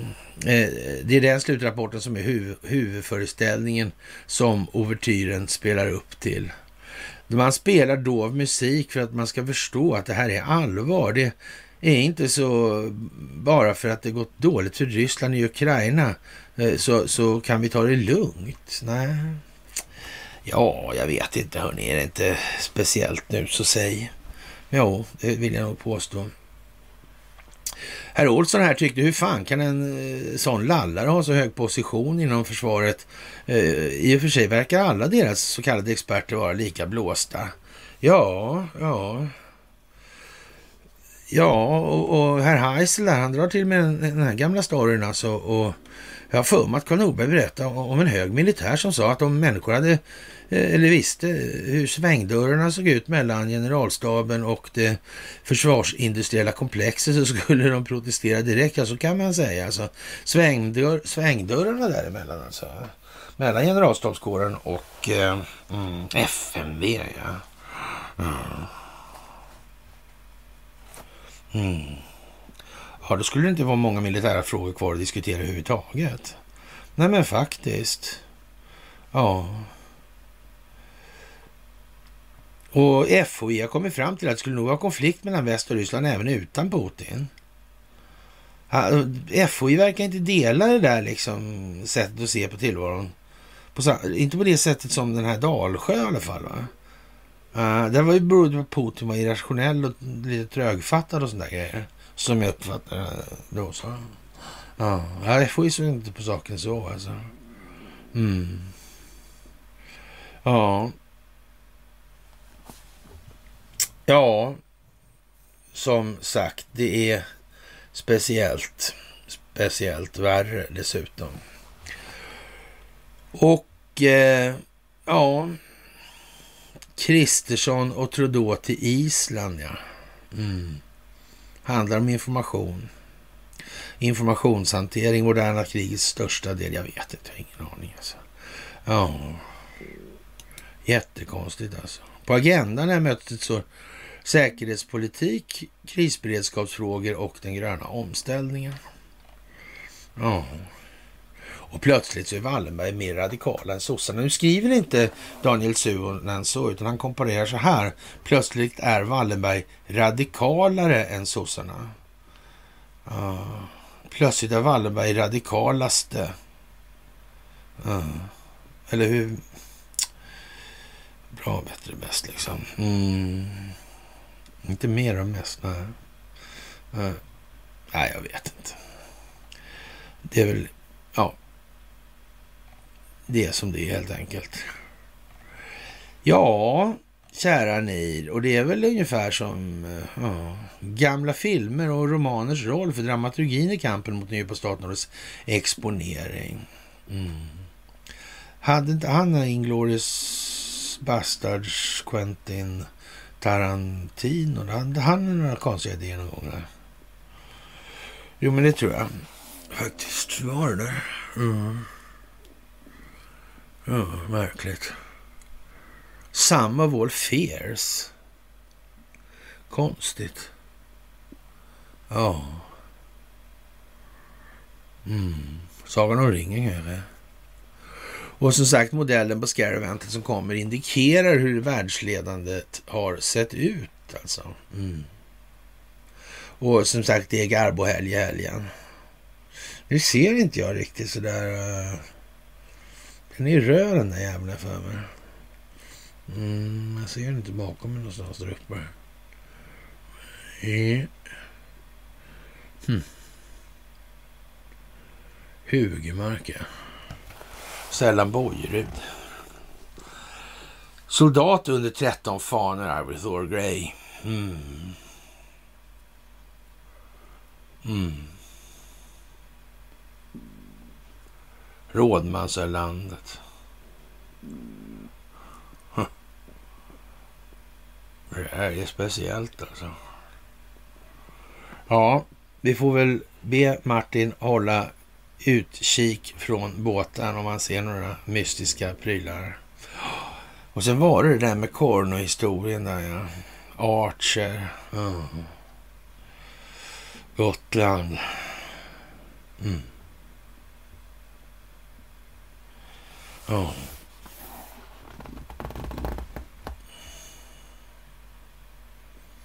Mm. Spännande, kan man säga. Man kan säga att på fredag är det midsommarafton. Det blir ett mys. Ett midsommarmys. Det blir det. Mm. Och vi får väl se vad som händer nu alltså. Mm. Det kommer en film den fjärde. Mel Gibson. Pedofiler, Hollywood. Cirkulerar filmer med Tom Hanks nu. Ja. Tripp, dropp, tripp, dropp. Ja. Luckorna har öppnats. Det som skakar. Det är floden som kommer vällande. Titta på vattnet. Mm. Ha en fantastisk pig lördagskväll så hörs vi senast på midsommarafton.